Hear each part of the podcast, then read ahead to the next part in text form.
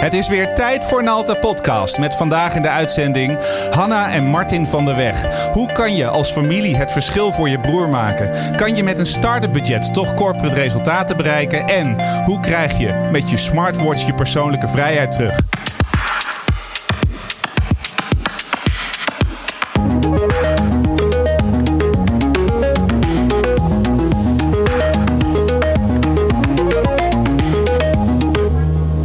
Nalta Podcast, aflevering 43. Opgenomen op vrijdag 30 oktober 2020. Miles, je maatje onderweg, familie, innovatiekracht.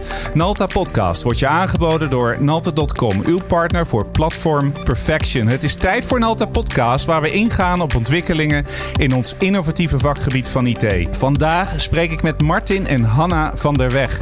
Martin heeft zijn sporen verdiend als projectleider bij de Nederlandse Defensie en de NATO. Meer dan zijn sporen begreep ik net. En Hanna is communicatiespecialist en werkt als marketing- en communicatieadviseur. Beide zijn bestuurslid van de Stichting Bestaanskracht, maar zijn bovenal de zus en de vader van Salim. Welkom in onze podcast. Dankjewel. Ja, dankjewel. Ik had beloofd, we gaan van 0 naar 100 in, uh, in een paar seconden. Dat is wel gelukt, toch? Ja, dat ja meer dan goed. dat. Hoe is het met jullie? Uh, heel goed. Ja, dat is, die zit in de podcast. Het mooie luisteraar, ik vind het wel mooi. Uh, als je met Martin normaal spreekt, ik heb hem denk nu een halfjaartje geleden voor het eerst ontmoet. Als je Martin aanzet, dan gaat hij niet meer uit. En ik heb begrepen dat het met zijn dochter net zo is. En het is ongelooflijk om jullie samen in de podcast te hebben. Uh, Martin, kan je jezelf voorstellen? Wie ben je? Wat doe je? Um, nou, ik ben vader van uh, vijf kinderen en vier kleinkinderen. En ik heb bij mijn werkgevers veel te maken gehad met ICT en uh, innovatie en ook met veranderingen doorvoeren in de organisatie. Ik ben inmiddels met vroegpensioen en ben uh, volledig bezig met het project voor onze zoon en lotgenoten met een ernstige psychische aandoening. En uh, in mijn scherm onder je, Martin. Uh, het, het, is coronatijd. We kunnen de podcast niet meer in een uh, gezamenlijke fysieke ruimte opnemen. Dus dat doen we allemaal remote. Uh, maar zie ik Hanna van der Weg. Hanna, welkom in de uitzending. Dankjewel. Kan jij jezelf voorstellen? Ja, natuurlijk. Ik ben Hanna van der Weg. ik werk als communicatieadviseur. dat heb ik eerder gedaan bij een grote gemeente. Daarna bij de vakbond. En nu ook bij, opnieuw bij een organisatie die zich echt richt op maatschappelijke vraagstukken. En dat is ook wat ik doe vanuit uh, mijn communicatiefunctie. Uh, maatschappelijke vraagstukken zichtbaar maken, bespreekbaar maken, mensen een podium geven en ja, waar ik kan uh, mensen daarin verbinden. Ja, heel cool. En um, ja, denk een halfjaartje geleden kwam er een collega van ons naar ons toe, Martijn. Ja, ik heb met iemand gesproken en die zijn met een fantastisch initiatief bezig. En dat heet toen nog Cliëntvinder, inmiddels heet dat Miles. En daar moeten jullie meer over horen, want wij kunnen ze helpen. Um, wat is Miles? Uh, Miles is voor, uh, wat Miles voor mij betekent, is een maatje voor onderweg. Het is een innovatieve smartwatch speciaal voor de zorg. En het geeft uh, straks mijn broer, maar heel veel cliënten binnen de psychiatrie en ook daarbuiten hun vrijheden terug. Om zorg op pad te kunnen gaan en wanneer het nodig is, ja, ze gewoon gevonden en teruggebracht kunnen worden.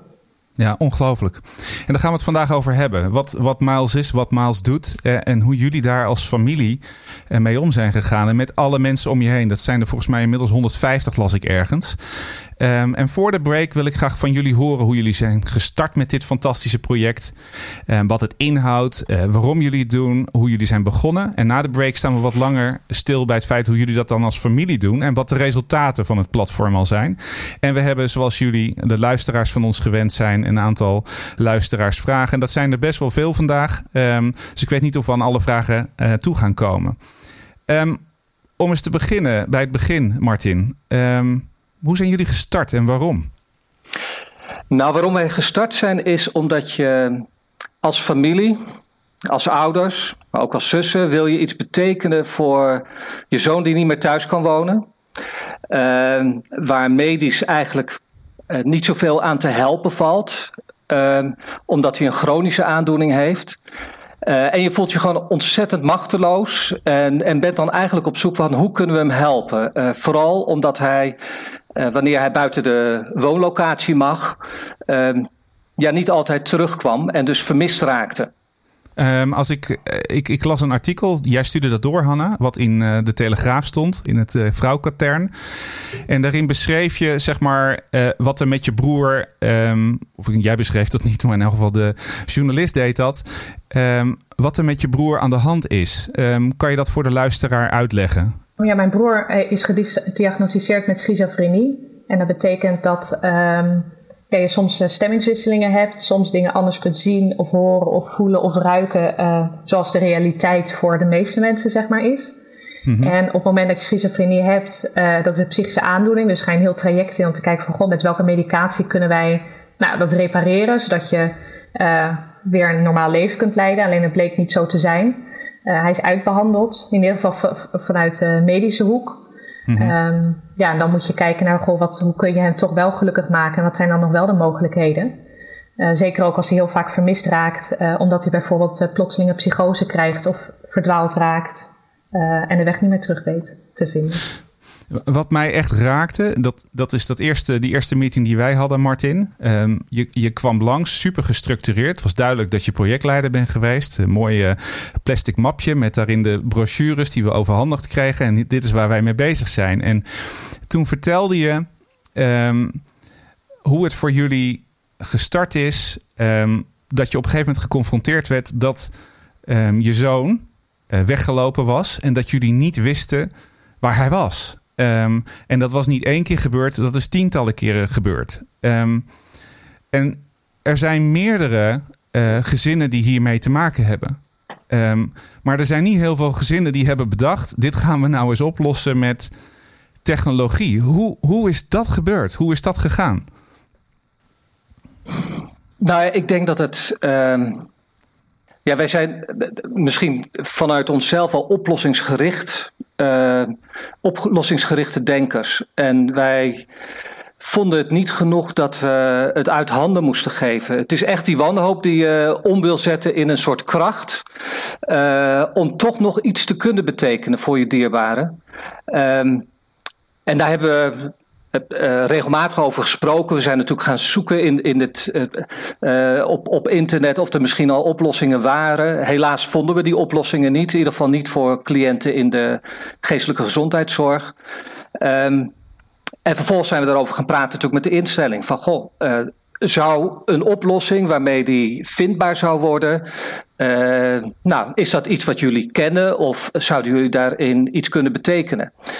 En dat heeft best een tijdje geduurd voordat we eigenlijk voor onszelf tot de conclusie kwamen: ja, dat lukt niet zo makkelijk binnen een instelling. ze hebben echt eh, met een groot hart heel veel, uh, een aantal keren dat geprobeerd.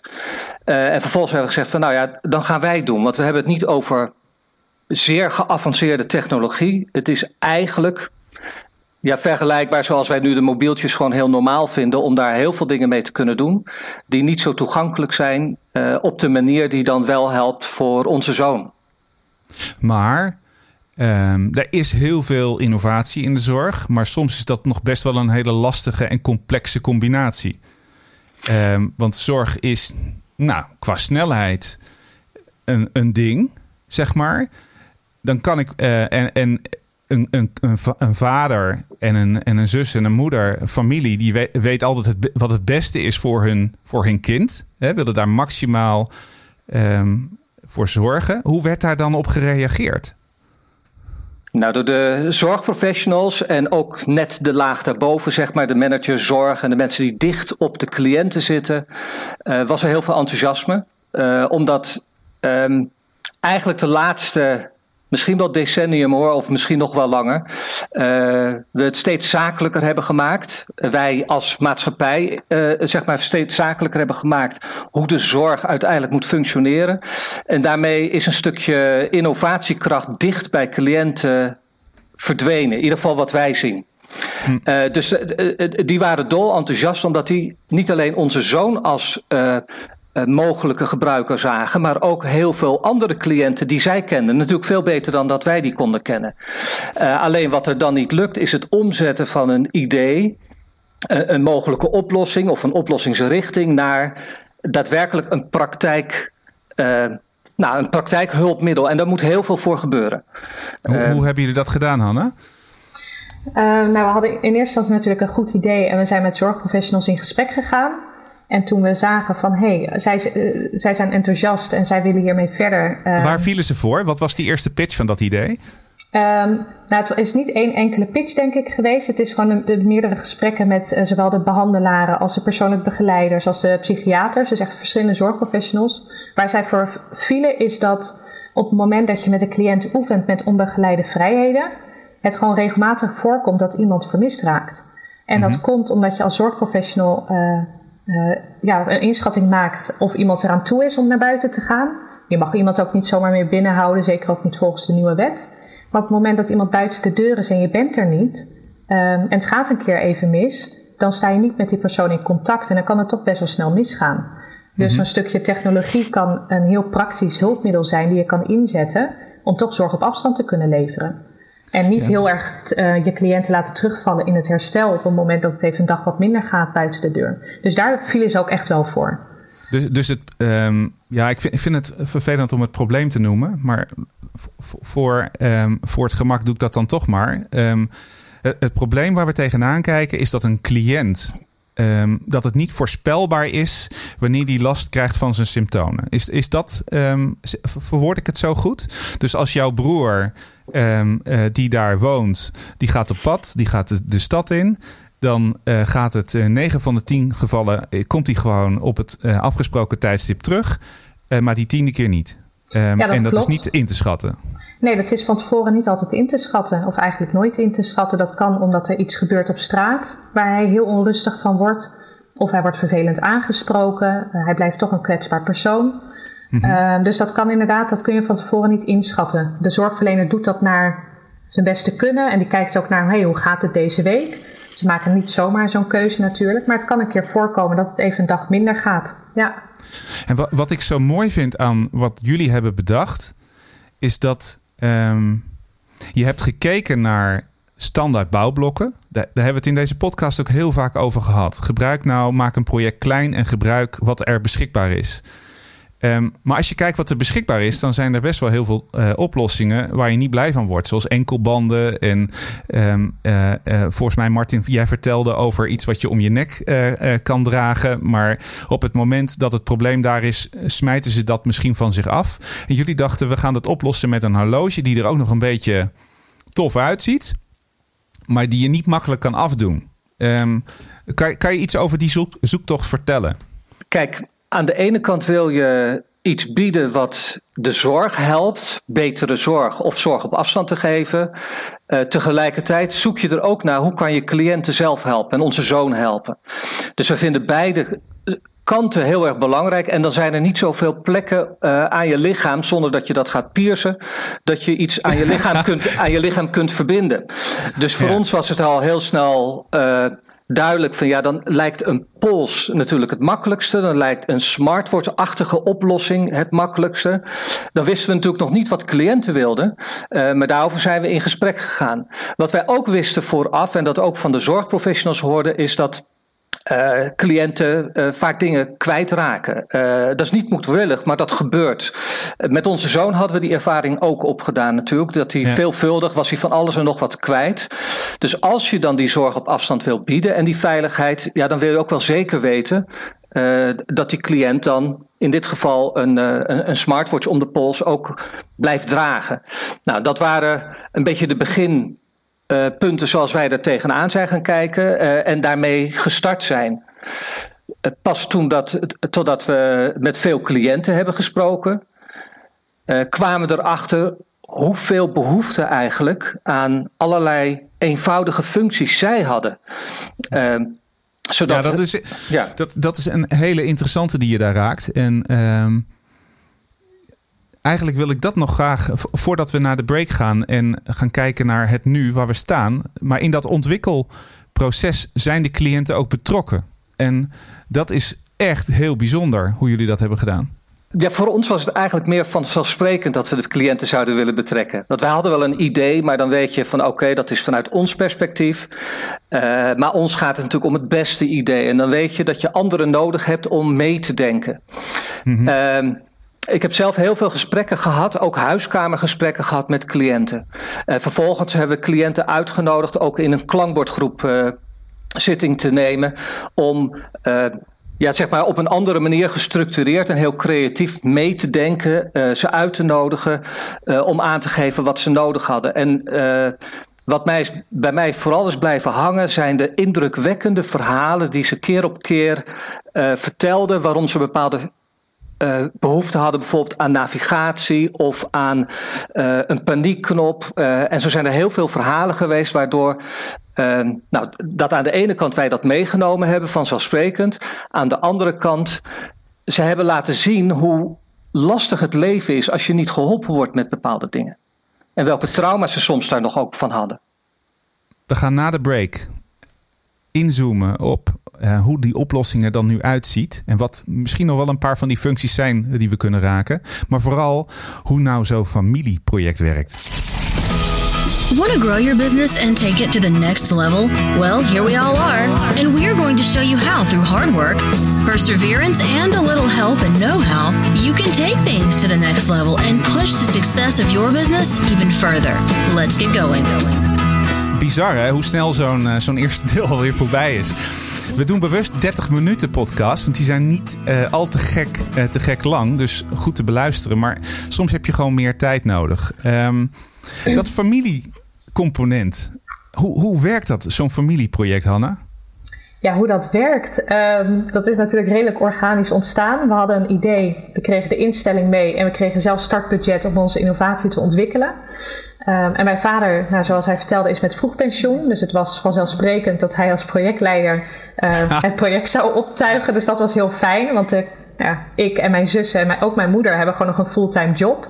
Wij zijn nog niet met pensioen. Uh, maar hij startte daarin. En wat het mooie is, is dat we gaandeweg alle taken onderling konden verdelen. Dus mm -hmm. mijn zus, die werkt toevallig in de psychiatrie, die kon heel goed meekijken ook vanuit ja, de, de zorgkant. En ook het, die wilde ook heel graag het, meehelpen bij het organiseren van workshops met zorgprofessionals en cliënten.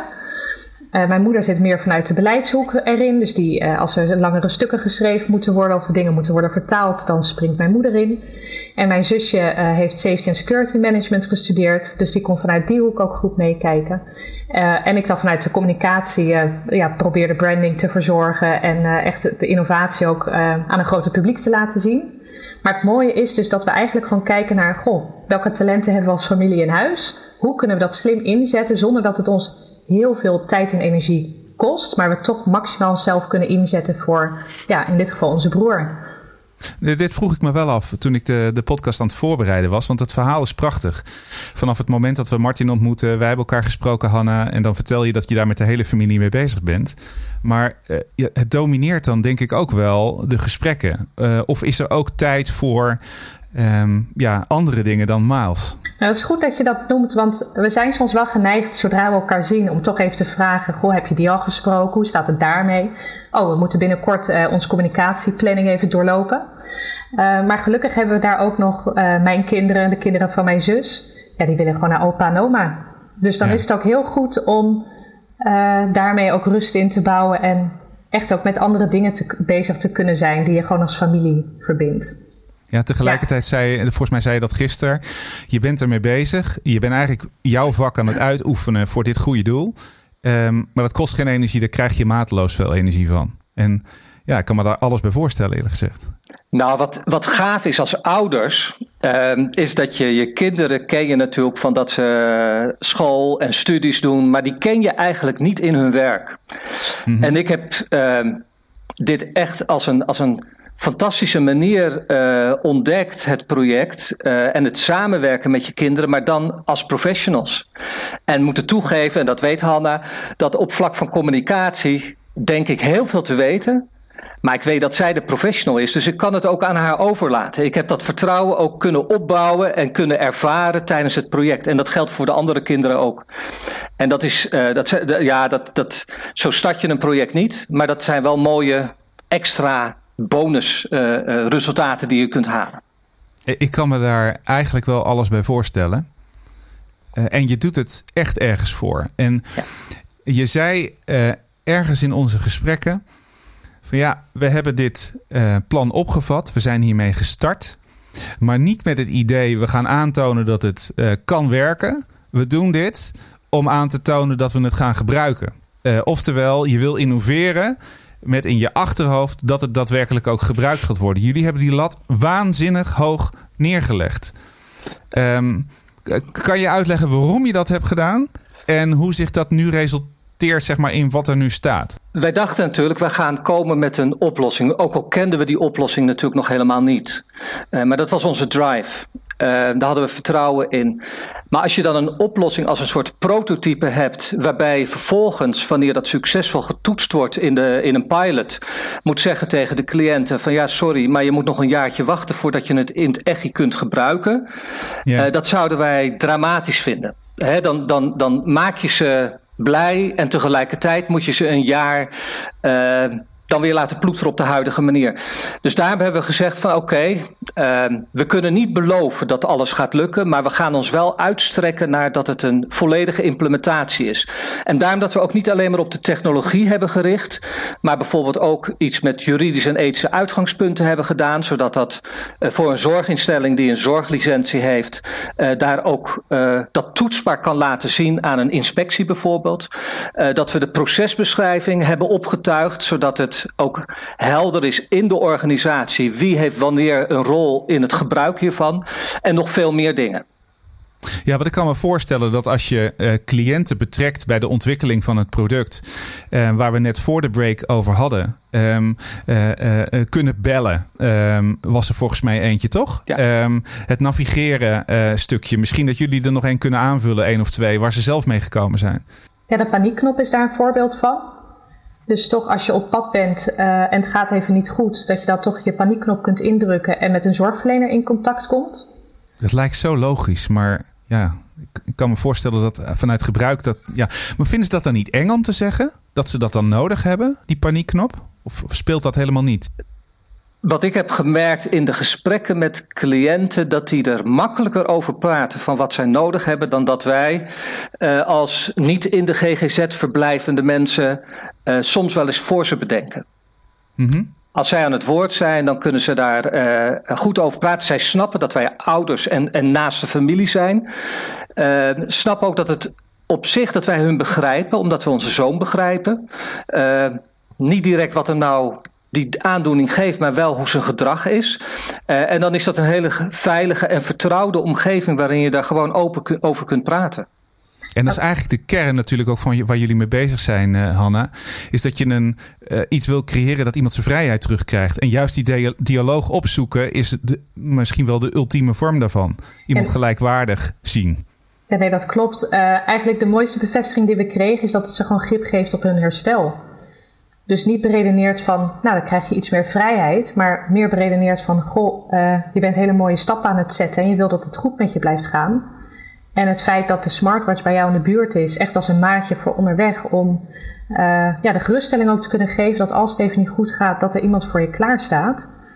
Uh, was voor ons inderdaad echt een bevestiging van, hé, hey, dat is dus waar je de toegevoegde waarde levert. Het is echt, echt waanzinnig. En, en dan noem je de functionaliteit, de technologie, het platform, het juridische stuk, het privacy stuk. Um, dat klinkt als een corporate, maar jullie zijn uh, ja, een, een fa familie start-up. Um, hoe, krijg je het voor elkaar? Dat je daar de budgetten voor hebt en dat je dit kunt realiseren? Nou ja, ten eerste uh, hebben we het niet alleen naar onszelf gekeken en hebben met elkaar wat kwaliteiten, maar we hebben vooral ook gekeken wie zouden ons kunnen helpen. Wie willen meedenken, wie willen meedoen. Uh, en op die zoektocht zijn we bij diverse kennisinstellingen geweest en hebben we een aantal gevonden die uh, het vanzelfsprekend vinden dat, uh, dat ze aan zo'n maatschappelijke uitdaging mee willen doen om te helpen dat op te lossen. Uh, een daarvan is, uh, uh, die nogal prominent ook meedoet in het project, is de Haagse Hogeschool. Mm. met bijna nu zo'n 70 studenten vanuit allerlei studierichtingen. Waarbij we aan de ene kant ons verhaal kunnen vertellen. waardoor studenten ook kunnen kiezen van, goh, willen wij een opdracht doen voor uh, voor een puzzelstukje in de totaaloplossing voor dit probleem. Uh, en daar zijn overweldigende reacties op gekomen. En zonder die hulp hadden we dat niet kunnen doen. Maar zo zijn er ook uh, maatschappelijk betrokken organisaties, ook jullie organisaties, maar ook andere, die of donaties doen of meedenken. en dat maakt het voor ons als gezin ja, zoveel mooier dat je niet alleen staat. Onze zoon staat niet alleen omdat wij om hem heen staan. Maar eigenlijk heel veel mensen in de samenleving en organisaties staan weer om ons heen. Om toch te helpen dit, uh, ja, een beetje de, de, dramatiek van uh, een, uh, zo'n ernstige psychische aandoening. een beetje te verzachten of te helpen een stukje daarvan op te lossen. Ik denk dat mensen het echt, echt begrijpen. Um, het, um, eh, wij vonden het ook eerlijk gezegd vanzelfsprekend om jullie hier uh, mee te helpen. Uh, en um, daar hoeven we helemaal niet mee te koop te lopen. Mensen binnen ons bedrijf vinden het vanzinnig dat we ook um, hier mee bezig zijn. En ik zag een posting van jou op LinkedIn voorbij komen, uh, Hanna. Um, nou ben je natuurlijk communicatie-expert, dus dan mag je ook verwachten dat er wat gebeurt, toch? Maar toen jij die posting had gedaan. Dat is echt, dat is gewoon niet normaal. Uh, je had een paar honderd reacties van, van mensen uit het netwerk die door begonnen te krijgen door dat Telegraafartikel. Dat er nu, volgens mij zijn er twintig uh, cliënten die nu de oplossing gebruiken. Het is gewoon live, toch? Nou, binnenkort start de pilot en dan starten we inderdaad met 20 cliënten. En uh, een aantal andere GGZ-instellingen staan ook in de rij om ja, te kijken met ons of ook hun cliënten er gebruik van kunnen maken. Uh, maar het mooie aan het stuk op LinkedIn was omdat je zo open en persoonlijk deelt wat je bezighoudt. En omdat mm-hmm. tijdens het hele traject al zo ontzettend veel mensen aan het meedenken en meehelpen zijn. Uh, is dat je eigenlijk uh, ja, het project, maar alle mensen daaromheen een podium geeft. En dat dat wordt gezien eigenlijk in de hele zorgsector. En dat is gewoon fantastisch. Dat we. Nou, we hebben inderdaad een aantal duizenden likes gekregen. En nu gaat het natuurlijk niet om de likes, maar ook om de de berichten van mensen die, die naar ons toe kwamen met een vergelijkbaar verhaal van een, een zoon of dochter in de zorg. Of vanuit de gehandicapte uh, sector, de, de ouderenzorg, dus mensen met dementie. Uh, het is heel mooi om te zien dat je, en dan gaan we nog groter denken, misschien wel voor de hele zorgsector iets zou kunnen betekenen. Ja. ja, wat er waren wat vragen zeg maar, die op die LinkedIn uh, zijn gesteld. En um, die hebben jullie verzameld. En uh, we kunnen daar een paar, denk ik wel, uh, nu, nu raken. En dan, dan heb ik weer tijd om die leuke jingle in te starten. um, een van de vragen die gesteld zijn is hoe het geregeld is rondom de privacy van cliënten. Kun je daar iets over vertellen? Voor zorgtoepassingen moet je uh, rekenschap geven dat je aan bepaalde extra eisen rond privacy voldoet. Dat gaat over uh, hoe communicatie plaatsvindt naar een smartwatch, uh, op welke manier ook mensen zijn geregistreerd, dus cliënten zijn geregistreerd. Dan noem ik tegelijkertijd dan mede ook de, de AVG. daar hebben we vanaf het begin zoals de AVG dat ons ook vraagt, zeg maar, ook als makers van oplossingen, al rekening mee gehouden bij het ontwerp. Daar hebben we deskundigen bij betrokken om te zorgen dat, uh, uh, dat ook allemaal mogelijk is. En, uh, en, en dat heeft ook te maken met hoe dan uh, keuzes worden gemaakt bij, uh, met, met, organisaties die daarin deel mogen nemen. Dat die ook certificering daarvoor hebben. Uh, ja. Nou, al dat soort aspecten, ja, daar moet je rekening mee houden. En dat zorgt in ieder geval dat de persoonsgegevens van cliënten gewaarborgd zijn doordat ze anoniem zijn geregistreerd. Dat de gegevens over locaties waar, die ze bezocht hebben ook worden verwijderd nadat ze weer terug zijn op de locatie. Dat alleen maar zorgprofessionals zien uh, waar een cliënt is op het moment dat het nodig is, wanneer er een bepaalde alarmsituatie is. Uh, ja, om maximaal uh, te laten weten dat het alleen maar wanneer het nodig is, sommige mensen het mogen zien. Helder. En Hanne, je raakt het net al een beetje. Het was ook een vraag die op die LinkedIn-posting uh, terugkwam. Of, of de oplossing Miles ook beschikbaar is voor andere zorgdomeinen, bijvoorbeeld ouderenzorg en gehandicaptenzorg. Is dat zo? We hebben tijdens eh, het ontwikkelen van de smartwatch ook wel gekeken naar andere zorgdomeinen. En daar kwam inderdaad wel uit dat de gehandicaptenzorg en de ouderenzorg wel echt twee domeinen zijn waar heel veel, ja, waar, waar, waar de mensen heel veel behoefte hebben aan deze oplossing. Ehm, en wat we nu doen met de reacties, ook naar aanleiding van het LinkedIn-bericht, maar ook mensen die ons steeds beter weten te vinden, is gewoon met uh, iedere instelling aan zich in gesprek gaan van goh, wat, waar ligt jullie behoefte? Wat kunnen we op de korte termijn voor jullie betekenen met uh, Maals en de functionaliteiten die hij nu heeft? Hoe kunnen we dat misschien uitbouwen naar andere zorgdomeinen met misschien ook wel aangepaste functionaliteiten? En we proberen dat wel zeg maar, vanuit de start-up gedachte heel langzaam aan te op, op te schalen. Um, en misschien daarna uh, inderdaad echt voor uh, het hele zorgdomein uh, beschikbaar te kunnen stellen. Oké. Ik nog, kan nog één vraag. Uh, en die is van de podcastgast van twee weken geleden, Marijke. Marijke Casius. En uh, die was helemaal fan van de podcast. Die had bedacht, ik kan wel elke maand in de podcast zitten. Dus die vond het zo leuk. Ze zei, nou, we doen er twee per maand. Vind je dat ook niet een beetje veel? maar uh, die gaat zeker terugkomen. maar haar vraag is, hoe zorg je ervoor dat de oplossing ook 24 keer 7 beschikbaar is? We moeten natuurlijk wel goed uh, weten dat het op dit moment is een prototype die we in een pilot gaan toetsen. Uh, mm-hmm. Maar, uh, zoals ik al eerder zei, we proberen wel het te laten gedragen alsof het al zeg maar het eindproduct is. Hoe zorg je nou dat 24 keer 7? Dat zorg je door goede implementatie te doen. Dus zorgen dat zorgprofessionals goed weten hoe ze het moeten gebruiken. dat de organisatie ook bekend is met als er bepaalde problemen zijn, hoe ze dan terecht kunnen komen. Dat we een, eh, zeg maar een supportlijn hebben opgezet met een eerste en tweede en derde lijns ondersteuning.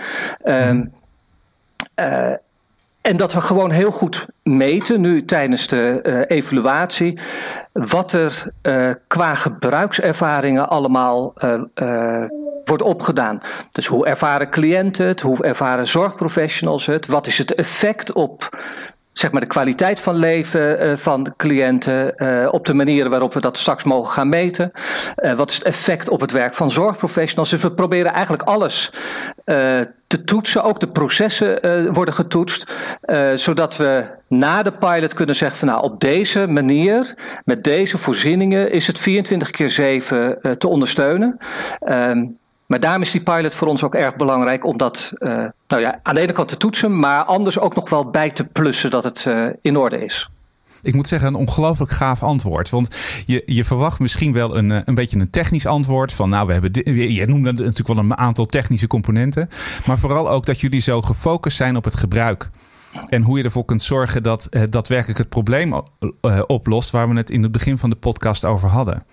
En ik denk dat we ehm, ja, in een half uur tijd toch uh, een heel aardig uh, compleet beeld hebben gekregen van waar jullie gestart zijn, hoe jullie er als familie mee omgaan en waar je nu staat. En dan blijft er voor mij wel zeg maar een vraag open. Um, en die heeft met je, met je broer en met, uh, met je zoon te maken, Martin. Um, heeft Salim zijn vrijheid nu teruggekregen met, met die smartwatch? Wat vindt hij daar zelf van? Wat ik tijdens het traject al heel erg mooi vond, is dat hij meedeed aan de workshops. En heel goed kon vertellen wat hij allemaal uh, zou willen terugzien in de smartwatch. Dus dat was voor ons ook wel fantastisch om te zien dat zijn betrokkenheid daarin groot was. En dat hij ook uh, eigenlijk als beste van allemaal vervolgens namens iedereen presenteerde wat er allemaal in moest komen. het was echt nou, voor ons ook om te zien dat je denkt: oké, dit is het puzzelstukje. Weet je, we doen het voor jou, maar dat je ook op deze manier kunt participeren is fantastisch. Kijk, en we starten binnenkort. Dus het moment dat wij de smartwatch gaan overhandigen. En hij is natuurlijk de allereerste die dat als cadeautje uh, overhandigd krijgt. Ja, dat moet nog komen. Dus wij sluiten denk ik gewoon een volgende keer over een aantal maanden heel graag ook nog eens een keer bij jou aan. Om te vertellen hoe dat moment is geweest. En hoe dat uh, naar de toekomst toe zich uh, ja, voor hem en voor anderen nog verder kan gaan ontwikkelen. Martin? Uh, als ik even doorvertel op wat Hanna zei, nadat uh, onze zoon Salim uh, dat had gepresenteerd aan de andere cliënten die deelnamen, kreeg hij applaus. Um, en dat applaus was voor hem verrassend. hij was blij. Wij waren buitengewoon onder de indruk. Maar wat we terugzagen is iets wat we proberen aan te reiken en een beetje mee te helpen via Maals, dat is dat je betekenisvol kunt meedoen in de samenleving. Dus dat je echt durft uh, van de locatie af te gaan, dat je je vrij voelt, dat je misschien ietsje meer sociaal en maatschappelijk mag meedoen. Uh, en dat zagen we Tenminste, ik zag dat terug in zijn nou, glimmende ogen en, en uh, glimlach. omdat betekenisvol ergens aan meedoen, ja, daar moet je een aantal randvoorwaarden voor invullen die voor ons vanzelfsprekend zijn, maar voor kwetsbare mensen uh, die in de GGZ verblijven gewoon helemaal niet vanzelfsprekend zijn. Ongelooflijk bedankt uh, voor jullie uh, bijdrage aan de podcast. En natuurlijk zijn jullie over een paar maanden weer meer dan welkom. Ik vond het een heel fijn gesprek. Um, ik vind het ook ongelooflijk knap hoe jullie wat zo dichtbij komt, wat zo persoonlijk is, op zo'n mooie manier weten te vertellen. Dus um, dank jullie wel. Ja, jij ook bedankt. Jij ook bedankt. En uh, bedankt voor het luisteren naar de Nalta podcast. En vergeet niet te abonneren op onze podcastkanalen bij Spotify en Apple Podcasts. En te abonneren op ons YouTube kanaal voor Nalta Explores en Explains video's. En we sluiten vandaag af met een nummer van Coldplay. Dat is een uh, verzoeknummer van Hanna. Het nummer heet Paradise. Bedankt voor het luisteren en tot de volgende podcast. Stay healthy and stay safe.